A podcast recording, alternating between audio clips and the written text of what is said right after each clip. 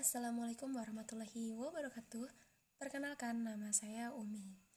Ini adalah podcast pertama saya yang semoga saya akan konsisten untuk membuat podcast-podcast selanjutnya. Tidak perlu banyak tahu siapa saya, tapi semoga pesan yang saya sampaikan akan bermanfaat untuk semuanya. Dan untuk hal yang pertama yang ingin saya sampaikan, berbicara tentang takdir. Ya, berbicara tentang takdir. Uh, ada yang hartanya berlimpah ruah, ada kepayahan dalam menghadapi keadaan finansialnya, begitu sampai mati. Ada yang ditakdirkan hidup bahagia bersama seseorang yang dia cintai, setia sampai mati. Namun, ada orang-orang yang tak pernah bisa membersamai seseorang yang dicintainya, begitu sampai mati. Ada yang ditakdirkan pula punya popularitas dan pengaruh di komunitasnya, atau mungkin di skala yang lebih besar. Orang-orang mendengar suaranya, orang-orang rela berkorban untuknya, sementara orang-orang lain ditakdirkan tak pernah didengar, selalu dibandingkan, bahkan direndahkan. Begitu sampai mati. Namun saat nyawa telah berada di kerongkongan, napas tersenggal, mata melihat apa yang tadinya tak terlihat, di saat itulah kita baru sadar apa arti semua ini? Kekayaan, kemiskinan, rasa cinta yang indah, sakit hati yang pahit, pernak-pernik dunia, kerikil-kerikil tajam dunia, semua jadi hal yang begitu remeh. Semua tak ada artinya lagi sekarang, kecuali bagi orang-orang yang bersabar dan percaya. Sebab di momen-momen seperti ini, kita mendapati sesuatu yang lebih penting dari apa yang kita kejar-kejar di dunia. Sebagaimana kita saat sudah kerja, lalu melihat adik-adik kita kecewa karena gagal masuk sekolah atau universitas negeri, kita akan bergumam. Aduh, itu mah belum apa-apanya.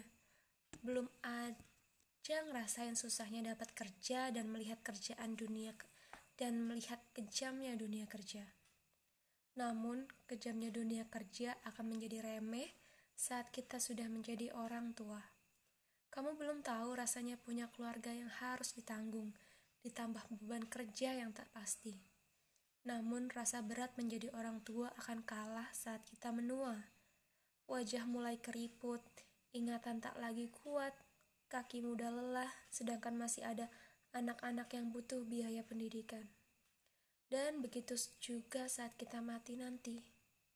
Segalanya jadi remeh, segalanya jadi terasa begitu cepat, sebab setelah kematian ini ada perjalanan baru dan misterius, serta kebenaran yang terungkap, kenikmatan yang kekal, atau kesengsaraan yang kekal, atau kesengsaraan beberapa saat yang lebih berat dari kesengsaraan dunia sampai diri ini bersih baru mendapatkan kenikmatan yang kekal.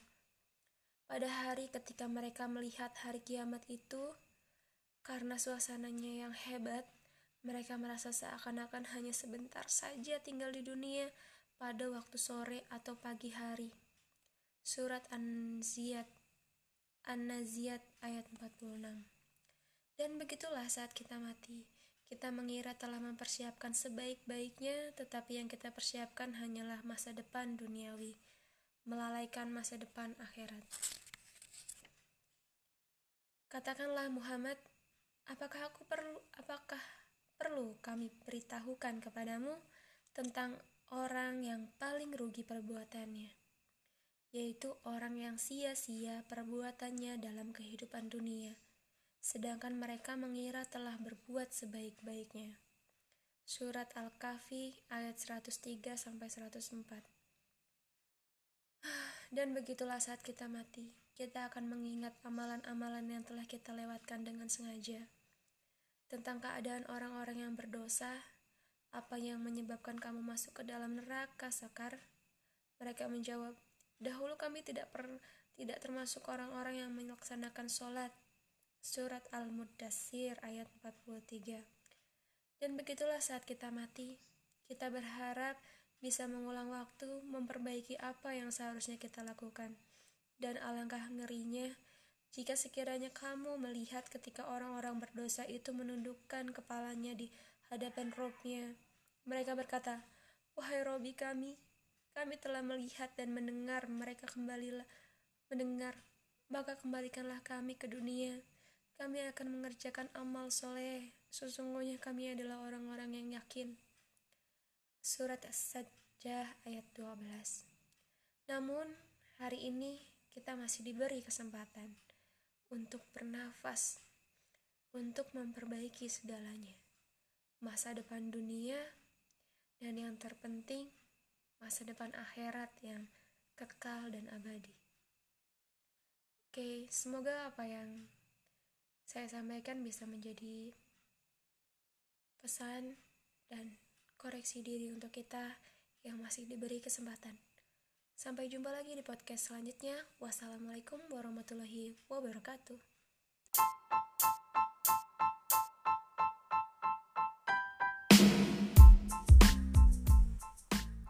Halo, assalamualaikum warahmatullahi wabarakatuh. Uh, ketemu lagi bareng saya Umi. Uh, ini podcast aku yang ketiga dan berjeda lama banget dari podcast yang pertama karena ada kendala beberapa hal. Nah, saat ini saya mau coba sharing. Ini saya baca dari buku review Quran dan di sini tuh ada pesan yang sangat luar biasa dan aku pengen share banget sama teman-teman. Semoga ini bisa jadi pembelajaran buat kita bareng-bareng ya. Oke, kita langsung aja ya. Uh, coba deh kita bayangin sejenak apa yang terjadi jika mata kita sengaja kita pejamkan itu selama satu bulan atau mungkin satu minggu. Sengaja nggak lihat apa-apa atau pernah lihat orang yang koma di rumah sakit berbulan-bulan? Cuma bisa berbaring di kasur nggak ngapa-ngapain? Maybe saat itu dia bangun ototnya akan jadi kaku bahkan di fungsi bahkan tuh jadi nggak berfungsi gitu. Sebab nggak pernah dipakai. Nah organ tubuh kita ini kalau nggak pernah dipakai dalam waktu yang lama maka dia akan terbiasa dengan kondisi yang seperti itu. Atau kita pernah lihat film Doraemon yang di negeri kapsul tuh dunia mesin di mana manusia itu begitu bergantung dengan mesin jalan pakai mesin kayak kapsul berjalan gitu saking manjanya dan gak pakai kaki lagi. Dan di film itu saat mesinnya rusak ternyata orang-orangnya tuh pada kayak lumpuh gitu gak bisa jalan padahal kakinya tuh sehat dan normal aja tapi gak berfungsi. Kenapa? Jawabannya tadi sebab jarang atau gak pernah dipakai. Begitu juga dengan hati kita. Jika ia terbiasa dengan dosa terbiasa dengan maksiat terbiasa dengan durhaka ke Allah maka ia gak akan peka lagi dengan Al-Quran. Gak akan peka lagi dengan nasihat. Gak bisa lagi cahaya iman itu masuk. Hati kita itu akan mati. Gak bisa ngerasain gimana dekatnya sama Allah gimana rindu sama Rasulullah nikmatnya baca Quran. Dan biasanya orang-orang seperti itu karena gak bisa ngerasain biasanya ya cuman mengandai-andai. Kayak di surat Zumar ayat yang ke-57 kalau sekiranya Allah memberi petunjuk kepadaku tentulah aku termasuk orang-orang yang bertakwa. Ya Allah, seandainya Engkau kasih petunjuk kepadaku, pasti aku jadi orang yang bertakwa. Ya Allah, coba Engkau mudahin aku untuk cepat belajar bahasa Arab. Pasti aku bakal sering baca Al-Quran tiap hari. Ya Allah, seandainya aja Engkau kasih aku duit, pasti aku bakal banyak sedekah. Ya Allah, seandainya aja Engkau takdirin aku jadi anak pesantren, pasti aku bakal rajin ngaji. Ya Allah, seandainya Engkau kasih aku rumah dekat masjid, pasti aku tiap hari ke masjid. Ya Allah, seandainya keadaan aku nggak kayak gini, pasti aku udah deket dan taat kepadamu.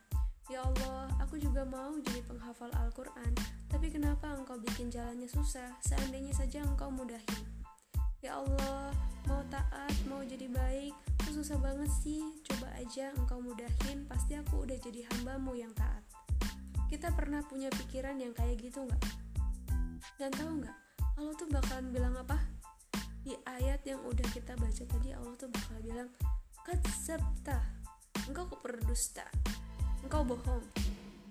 Allah lah yang paling tahu keadaan kita, belum tentu dengan kita juga bakal jadi baik maka jangan sekali-kali berandai-andai seperti itu syukuri keadaan kita saat ini kesemua adalah sudah ketetapan Allah Nah, tugas kita hanyalah menjadi yang terbaik dalam kondisi saat ini.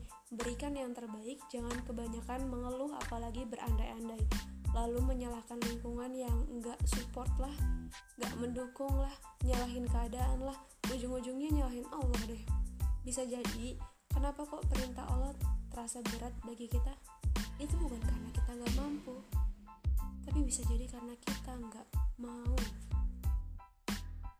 Oke. Okay jelek banget ya dan semoga itu bisa jadi pembelajaran buat kita bareng-bareng untuk podcast kali ini cukup sampai di sini wassalamualaikum warahmatullahi wabarakatuh